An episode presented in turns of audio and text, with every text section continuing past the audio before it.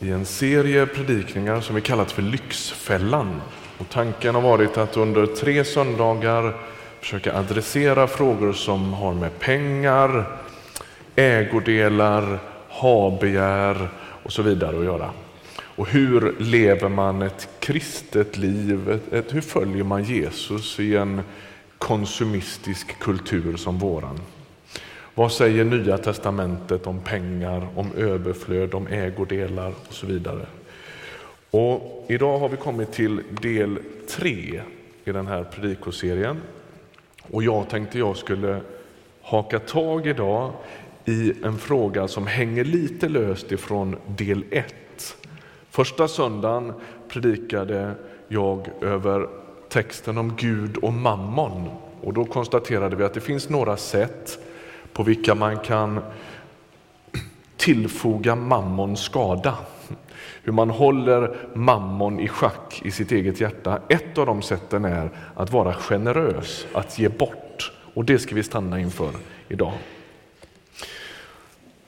Många av er har sett en film som heter Schindler's list. Har ni sett den filmen? Har många gjort. En stor film för ett antal år sedan eh, som handlar om Oskar Schindler som eh, under andra världskriget i judeförföljelsen använder de möjligheter som han har för att vara med och rädda judar undan en säker död. Han gör det genom att köpa loss dem kan man säga och, och, och, så får de bli arbetskraft i hans, i hans fabrik. Men det går ut på att han liksom ger ett sorts så här, alibi för att, för att kunna ha, ha dem under sina vingar så att de inte skickas i dödsläger. Eh, I slutet på den här filmen så finns det en scen där Oskar Schindler står och grämer sig lite över allt som han kunde ha gjort, men som han inte har gjort. Han pratar om att ja, men den här ringen som jag har på mig, den skulle jag ju kunna ha sålt. Den här klockan som jag har, den skulle kunna inbringat lite mer pengar och det skulle kunna vara en människas liv till. Frågan är, är, är frågan om givande och generositet tänkt att liksom ta ett sånt avstamp? Att det handlar om en sorts ständigt dåligt samvete, en ständig gnagande känsla av att jag kunde gjort mer, jag kunde gett mer, jag kunde bidragit mer. Jag har hört, du har säkert också hört, mycket sån undervisning. Jag har hört sån undervisning just med den här eh, filmen som någon sorts illustration. Vi skulle leva våra kristna liv som Oskar Schindler i slutscenen. Jag kunde gjort mer och jag tror inte att det är så bra. Vi kommer till det så småningom. Den här söndagen tänkte jag att jag skulle ge en ganska så, så här, grundläggande och lite liksom, saklig undervisning om principer och råd som har med givande att göra. Och min förhoppning är att den undervisningen delvis faktiskt skulle få hitta ett annat anslag än det här. Jag tror nämligen inte att det där liksom sätter oss i rörelse, utan jag tror att det mest liksom tynger oss. Vi borde och borde och borde så fasligt mycket hela tiden. Vi ska se om vi kan hitta ett annat anslag. Vi ska läsa en text ifrån andra Korintierbrevets åttonde kapitel.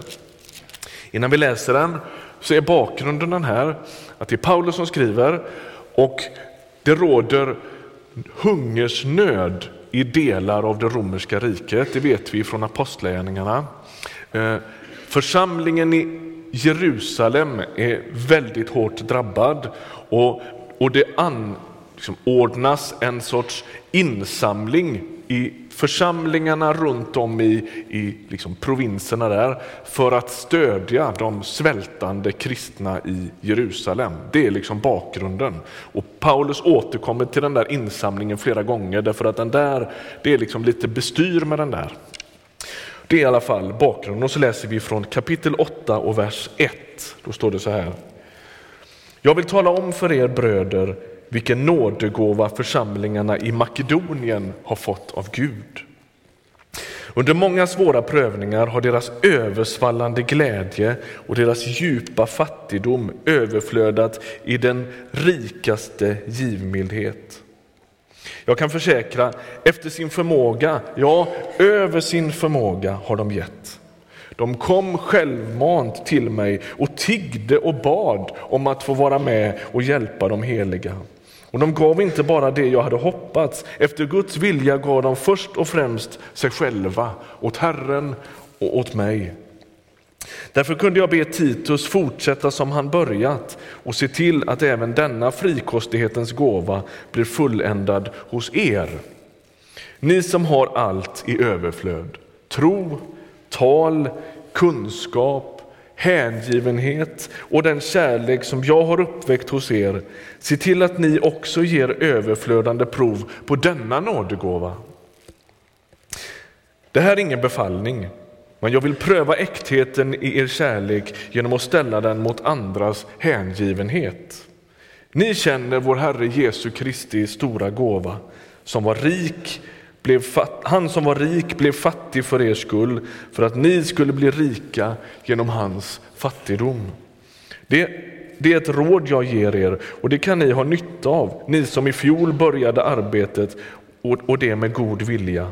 Fullfölj nu arbetet så att resultatet svarar mot den goda viljan, allt efter er förmåga. Har någon bara den goda viljan så är han välkommen med vad han har och bedöms inte efter vad han inte har. Meningen är ju inte att de andra ska få det bättre och ni ska få det svårt. Nej, det är en fråga om jämvikt. Nu ska ert överflöd avhjälpa deras brist för att en annan gång deras överflöd ska avhjälpa er brist. Så blir det jämvikt, som det står skrivet. Han med mycket fick inte för mycket, han med lite fick inte för lite. Jag tänkte jag skulle hänga upp den här predikan på tre stycken frågor. Den första frågan den är varför ska man ge? Det är, ganska, liksom, det är bra att veta det. Och det finns flera olika svar på det tänker jag. Varför ska man vara generös med sina pengar? Varför ska man vara generös överhuvudtaget? Och första svaret på den frågan är för att Gud är det. För att Gud är det. När Paulus uppmuntrar församlingen i Korint att de ska vara med i den här insamlingen så tar han avstamp i Guds nåd och i Guds generositet. Vi ger först och främst, säger han i vers 9, för att Jesus ger. Så är det. Ni känner vår Herre Jesu Kristi stora gåva. Han som var rik blev fattig för er skull och så vidare. Alltså det är liksom hans tyngsta argument. Gud gav. Och den som tillhör hans rike, den som tillhör den utgivande kungens rike börjar sakta men säkert smittas av det. Vi lyssnade till Elinor förra veckan när hon använde illustrationen ifrån ett, en kärleksrelation, ett äktenskap. Allt jag är ger jag dig och allt jag har delar jag med dig. Det, det är utgångspunkten. Jesus ger. Och första svaret på frågan varför ska man ge det? För att Gud gör det. Han har liksom dragit in oss i sitt annorlunda rike. Och där råder andra lagar, andra krafter. Där härskar andra makter. Där rör sig i viss mening världen bakvänt. Där är den störst som tjänar. Där vänds en del av begreppen. Där är det inte säkert att maktstrukturerna liksom håller utan de utmanas där och så vidare. och så vidare. Det är ett rike präglat av sanning, ett rike präglat av tjänande, av generositet, av renhet och så vidare. Och den som har smakat Guds godhet. Det är som att Paulus liksom fiskar efter, har ni inte smakat på Guds godhet? Har ni inte känt av att Gud är nådig? Jo, därför att när man har gjort det så lockas man att ge det vidare. Det är som att givandet är ett sorts gensvar på Guds nåd. Det är ett gensvar på att Gud är god. Man ger utifrån en sorts, en sorts svar och en sorts eko på att Gud har ropat sin godhet in i våra liv. Vi har redan för två veckor sedan sagt att ett andra skäl till att ge det är att det knäcker mammons makt i våra liv. Och jag tror faktiskt att det är så. Jag tror att vi alla här inne kan, kan konstatera att när vi ger lite mer än det där liksom som är lätt att ge bort, när vi ger något som är lite svårt att ge bort, så är det faktiskt med och liksom utmanar girigheten och habegäret i våra liv. Det är ett, det är ett, det är ett gott sätt att liksom vaka på det så att man inte blir övermannad av habegär. Generositeten förintar girighetens demon i våra hjärtan. Jag tror att det är så.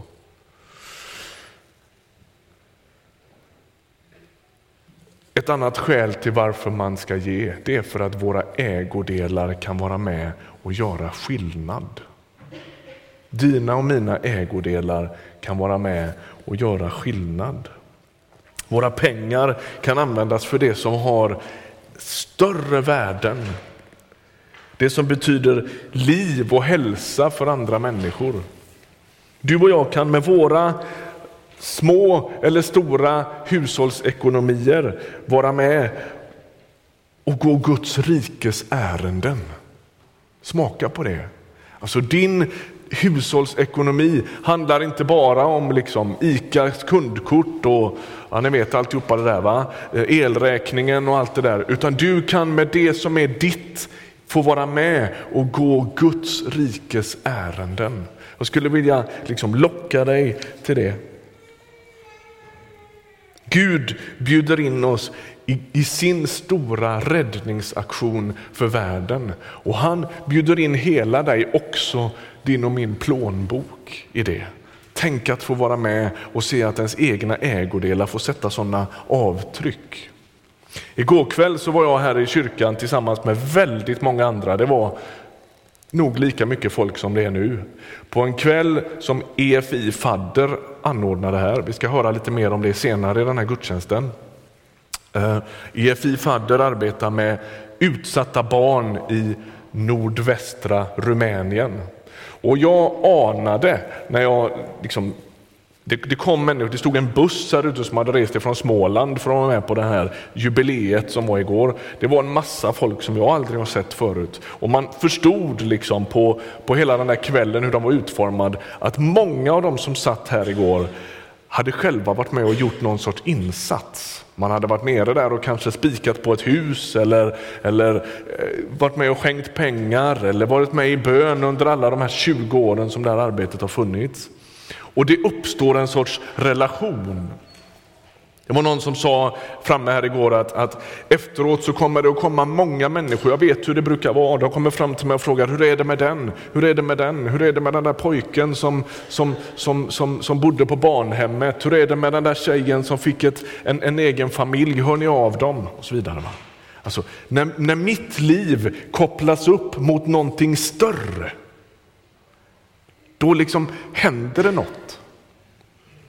Jag är ganska säker på att när vi tittade på filmerna och bildspelen och hörde storiesarna här igår så satt det ingen där i bänken och tänkte ah, jag borde inte gjort det, jag borde köpt ett par lättmetallfälgar istället.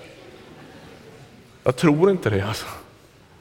Utan man känner, wow, det där är jag en del av. Det där är jag en del av, även om den är liten, även om den är blygsam, så är jag en del av det.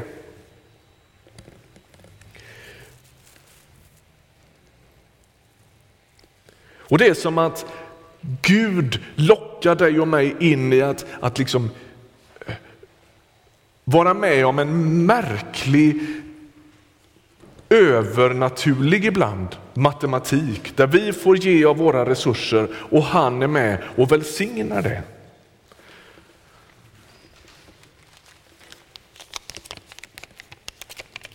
Tänk dig ungefär som ett dominospel.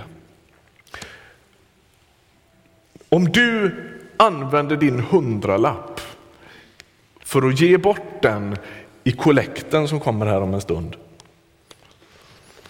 så är ju inte det bara liksom att den råkar landa i den där kollektboxen. Utan vad händer med den hundralappen sen? Jo, det är som att den putter i kull en hel rad händelser. Den Först tar den vägen ut genom dörrarna här och så ska den räknas och så används den för alla möjliga olika saker. En del av de här hundralapparna, de kommer att, det där dominospelet det kommer liksom att löpa hela vägen in i Ekkällan dit alla barnen gick för en stund sedan. Så när du ger din peng så, vet, så, så kan man inte riktigt överblicka var den där dominobrickorna kommer att tippa så småningom. Eller hur? En del av oss sitter här inne idag därför att människor före oss har gett sin hundring när vi fanns med i ett barn eller ett ungdomsarbete. Och det var omöjligt för dem att överblicka hur långt de där dominobrickorna kommer att ramla. En del av de här hundralapparna de kommer att läggas i den här skålen som kommer om en stund. Och så kommer det att tippa via ett huvudkontor i Örebro på Evangeliska Frikyrkan, via missions eh, arbetet som drivs där via eh, regionledare runt om i världen ut i, i eh, arbete bland, bland, eh, som missionärer bedriver i Afrika, i Asien, i Europa och så vidare. En del av de här hundralapparna kommer att vara med och, och, och möjliggöra ett mikrolån, mikrokreditprojekt i Asien. Är du med? En del av de här hundralapparna kommer att vara med och möjliggöra för ett, ett eh, handikappprojekt i Egypten. En del av de här hundralapparna kommer att möjliggöra för en familj att, att gå som missionärer till Mellanöstern. Och den där, liksom, det är det jag skulle vilja locka till. Det här, det här handlar inte om Excel-ark och budgetar i första hand. Det här handlar om, om liksom att Gud drar in dig och mig i sin räddningsplan för världen. Och våra enkla liksom, vanliga vardagsliv med våra liksom, göranden på ICA och hemma och betala räkningarna och allt det som är våra liv. Det kan få vara med och sätta avtryck i en pygméby i Afrika. Det är det som han lockar in oss i.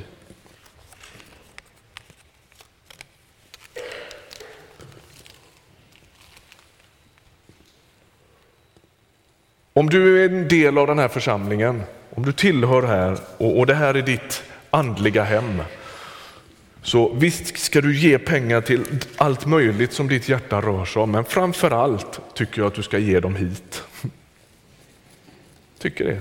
Om du är en del av den här gemenskapen, om du tillhör här, om du tror på det vi gör, som handlar om både barnen i Ekkällan, om tonåringarna i källan, om, eh, om eh, missionärer i Mellanöstern, om, om arbete bland pensionärer. Allt, allt, allt det som händer i en sån här kyrka, var med i det. Därför att det, det är en del av Guds räddningsplan för världen.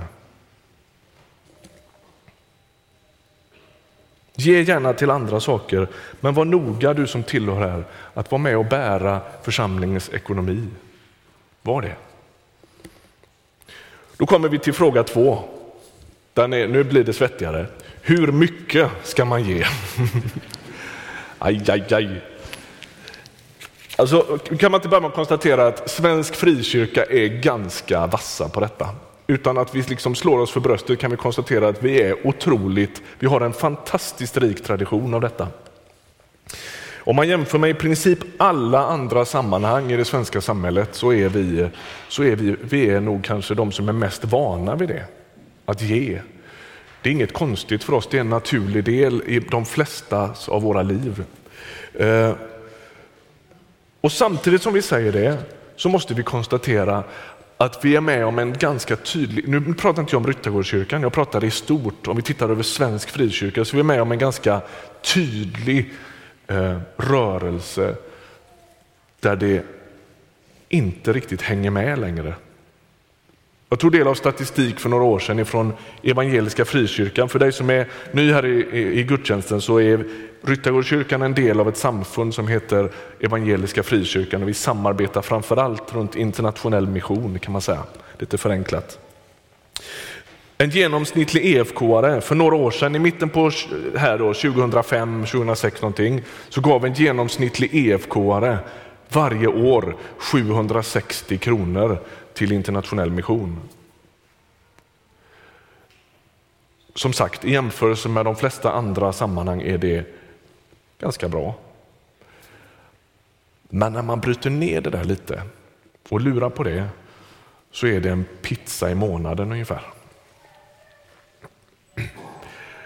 Och det kan man ju fundera över om det är så modigt och järvt. Eller?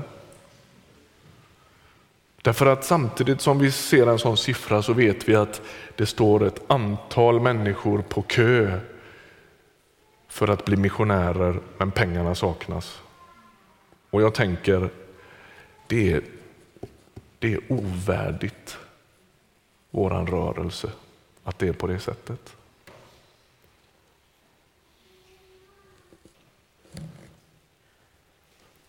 Vi som tillhör det annorlunda riket, vi som tillhör kungen som ger av sig själv. Mm. Vi fortsätter försöka svara på den där frågan, hur mycket ska man ge? Paulus han säger i den här texten, ge av det du har. Ingen kräver något som du inte har.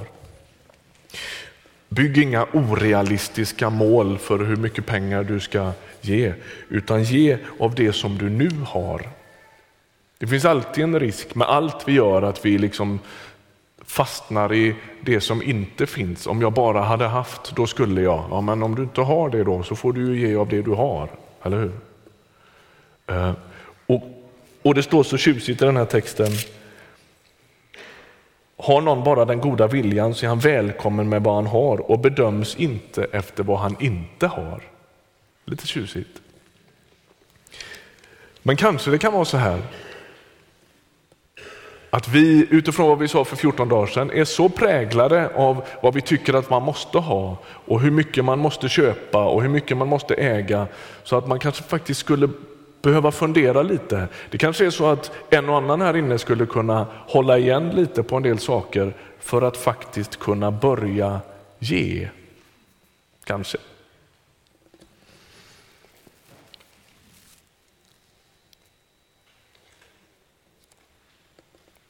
Det är viktigt att förstå att de människor som är mottagare av det här brevet, merparten av dem, de är inte rika, de är inte resursstarka. De flesta av dem som läser eller får det här brevet uppläst, för de kan nog inte läsa, de är slavar, ganska utsatta, ganska fattiga människor. Det är inte, det är inte i första hand eh, liksom, välbeställda övre medelklassen som, som läser detta den första, den första gången, utan det är enkla, väldigt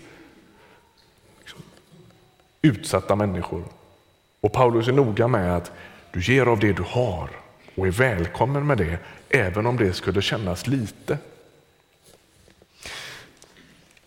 Det finns väldigt mycket nåd i det. Och du som sitter här och kämpar med din ekonomi och som har suttit här nu tre söndagar och tänkt överflöd är inte min stora utmaning.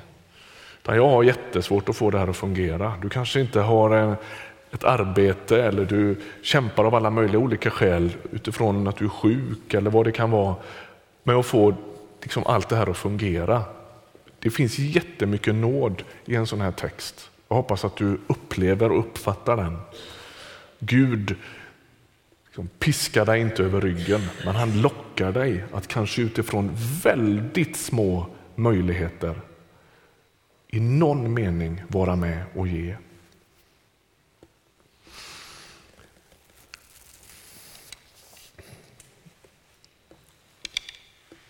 Både Nya testamentet och Gamla testamentet talar om att man kan ge utifrån en särskild modell som kallas för tionde.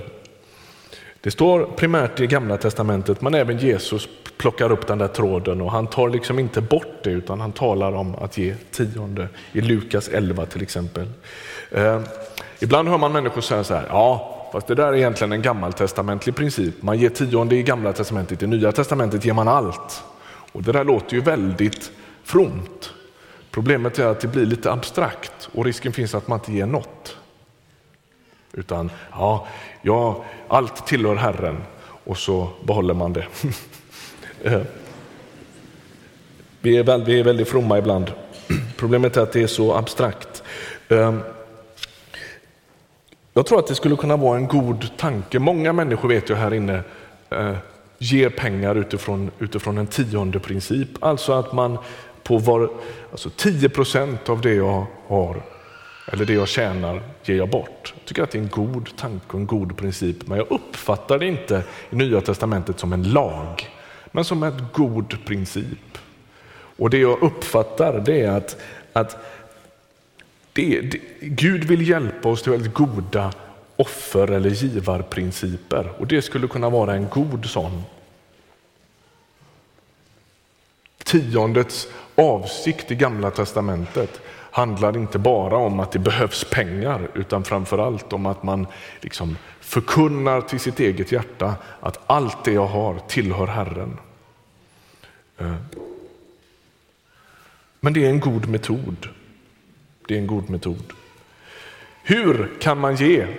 Min tredje och sista fråga. Hur kan man ge? Låt oss, låt oss läsa en parallell text till den här. Första Korintierbrevets 16 kapitel. Det är samma ärende. Paulus i första brevet han skriver till korintierna ehm, förbereder återigen för den, här, för den här insamlingen och han säger så här, kort bara två versar. Vers, kapitel 16 och vers 1. När det gäller insamlingen till de heliga ska ni följa de anvisningar jag har gett församlingarna i Galatien. Dagen efter sabbaten ska var och en regelbundet lägga undan vad han har råd med så att inte insamlingen börjar först när jag kommer, säger han. Man kan plocka några saker ur det här. Dagen efter sabbaten, det är ju alltså söndag. Ni vet att om sabbaten är på lördag och gudstjänst, den kristna gudstjänsten börjar tidigt firas på söndag. Det verkar som att han efterlyser en sorts systematiskt givande. Man ger systematiskt. Upprätta en god ordning, tänker jag. Jag tror att det är bra. Ge systematiskt och sluta låta känslorna styra för mycket när du ger bort dina pengar. Ge utifrån en ganska medveten idé om att jo, men jag vet vad jag vill, jag vet hur jag tänker och liksom håll fast vid det. Det tror jag är bra.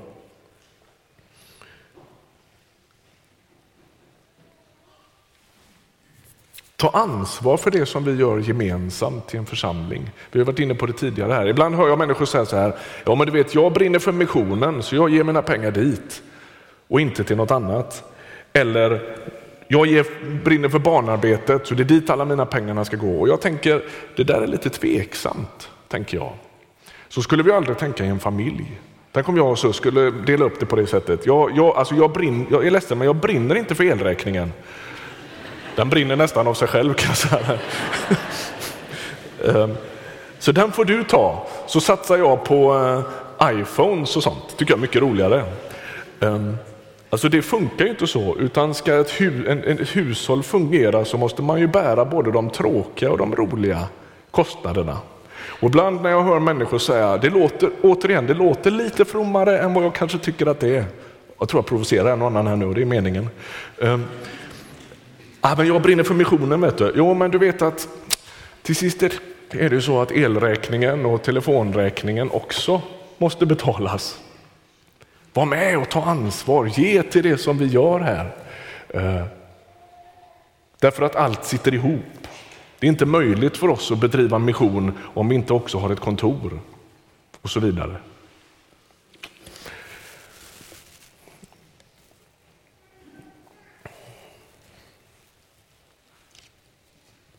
Den där systema, det där systematiska givandet det har ju aldrig varit enklare än vad det är idag. Kanske det är så att du skulle börja lägga dig till med en god rutin av att ge en gåva samtidigt som du betalar dina räkningar. Det finns alldeles utmärkta hjälpmedel för det. Eh, om du tar en ryttarbladet, jag kommer aldrig ihåg, ryttarbladet här ute så finns det ett bankgironummer där i så kan du lägga upp det eh, i dina rutiner och så kan du ge din gåva på det sättet. Det är allt fler som gör det. Du skulle kunna till och med ge ett autogiro så att pengarna rullar hit varje månad utan att du ens märker det. Det är det allra bästa. Dagen efter sabbaten, säger, säger han, alltså systematiskt, ska var och en säger han. Det är universellt. Och då tänker jag så här, min avsikt med den här predikan, det är inte i första hand att du som sitter här och bär ett stort ansvar ska känna oj, då är det nog ändå som med Oskar Schindler, att man borde gett lite mer. Utan det jag tänker är, tänk om den där cirkeln med människor som väldigt kontinuerligt och systematiskt är med och tar ansvar skulle vidgas lite grann. Det skulle bli helt revolutionerande i Ryttargårdskyrkan. Det skulle bli helt revolutionerande. Så jag tänker kanske framförallt på dig som sitter och tycker att Nej, men det där har jag inte riktigt liksom, fått tag på än.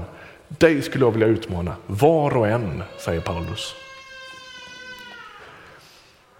Och så säger han, ska regelbundet lägga undan, det är nästa. Låt det här bli en god vana. Precis som alla andra goda vanor som man lägger sig till med så börjar man någonstans. Jag har börjat leka med tanken, jag vågar nästan inte säga det. Jag har börjat leka med tanken att jag ska gå på Friskis och Svettis. Och har tagit, har tagit ett första drastiskt steg. Jag har nämligen varit i receptionen. Och har inte, det var, kan det ha varit, tio månader sedan vi var där. Och vi har inte riktigt hämtat oss efter det än, så vi får se när nästa steg kommer. Men goda vanor ska man ta lite försiktigt. Ni med? Och tänker jag, ska du lägga dig till med en god vana att ge, så ta inte i så du spricker och liksom känner dig lite desillusionerad och besviken efter en månad för att du inte fick det att funka. Utan börja försiktigt och be Gud om både hjälp och tro att öka. Det måste inte ta tio månader innan man kommer ur receptionen, men ni förstår. Ni förstår. Om du är ovan, så börja på ett sätt så att du klarar av det. Så att du kan vara trogen och så be Gud om hjälp att kanske öka så småningom om du vill det. Och så slutar han återigen och säger han ska lägga undan vad han har råd med. Märker ni hur mycket liksom omsorg det finns i det där? Ehm, det är, om, det, det, det är återkommande i Paulus undervisning om givande. Man är inte ansvarig för det man inte har, men man är ansvarig för det man har. Så avslutningsvis, oavsett vem du är, oavsett hur mycket du har, oavsett om du är en van eller en ovan givare. Min avsikt med dagens predikan är inte att du ska bli som Oskar Schindler i slutscenen på den här filmen. Att du ska liksom gå runt med en sorts ständig kramp över allt som du inte lyckas med, utan att du ska bjudas in i en sorts glädje att vara en del av det Gud gör, både här på nära håll och runt om i världen. Att, att du ska bli en del av det och att du ska kunna känna, det gör jag som en sorts tacksamhet och en sorts glädjens respons på vad Gud gör i mitt liv och vad Gud gör i den församling jag tillhör. Du kan få vara med och se att dina resurser sätter avtryck i världen, det har vi redan sagt, i handikappprojekt i Egypten, i bibelöversättningar i Centralasien, i mikrokreditprojekt i Asien. Eller i ett vasst tonårsarbete nere i källaren på fredagskvällar. Eller i en blomstrande löfteslandsatsning i Ekkällan samtidigt som vi har gudstjänst. Så när du ger, då ger du till Guds universella räddningsplan över världen. När du går ut härifrån sen så kommer det vid fikaborden att finnas ett, en, en lapp som du kan ta med en liten sammanfattning på dagens predikan. Det finns också några samtalsfrågor som du kan ta med till din cellgrupp om du skulle vilja. Efteråt här senare när gudstjänsten är slut så småningom så kommer det att finnas någon som hjälper dig om du skulle vilja testa att använda våran kollektomat för första gången. Eh, de kommer inte att stå och glutta över axeln och se hur mycket du ger, men de kommer hjälpa dig lite om du känner dig osäker på hur det funkar. Det är väldigt enkelt. Eh, du det kommer också gå och prata med någon där ute sen om att skriva upp sig på ett sånt här autogiro. Ni märker att det liksom finns, inga, finns inget att skylla på idag.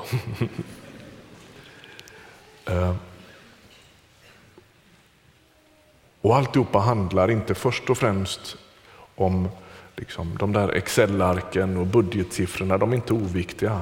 Men Gud inbjuder dig och lockar dig och liksom står och, och eh, liksom retar igång en längtan i ditt liv. Kom och var en del av det jag gör i världen. Ska vi be? Herre, tack för att du är så nådefull och så god och så mäktig att du till och med förmår använda våra små omständigheter. Vi förstår ju att du kan använda de stora världshändelserna och naturfenomenen och himlakropparna för dina avsikter och dina syften. Men tack att du också kan använda våra alldeles vanliga, vardagliga, ibland rätt beiga liv för dina höga syftens skull. Vill vi be Jesus att du skulle tala till oss. Vi ber att du skulle locka oss till större generositet. Jag skulle vilja be särskilt för den som känner att det där är jag inte en del av eller det där har jag aldrig fått koll på. Vi ber att du skulle få locka till eh, givande, locka till generositet. Låt det få dofta Jesus som våra hushållsbudgetar. Vi ber om det. Vi ber om det. Tack att du hör bön. Tack att du tar hand om vår församling. Tack att du tar hand om allt det som vi är en del av, både på hemmaplan och långt borta. Välsigna våra blygsamma insatser för dina höga syftens skull. Amen.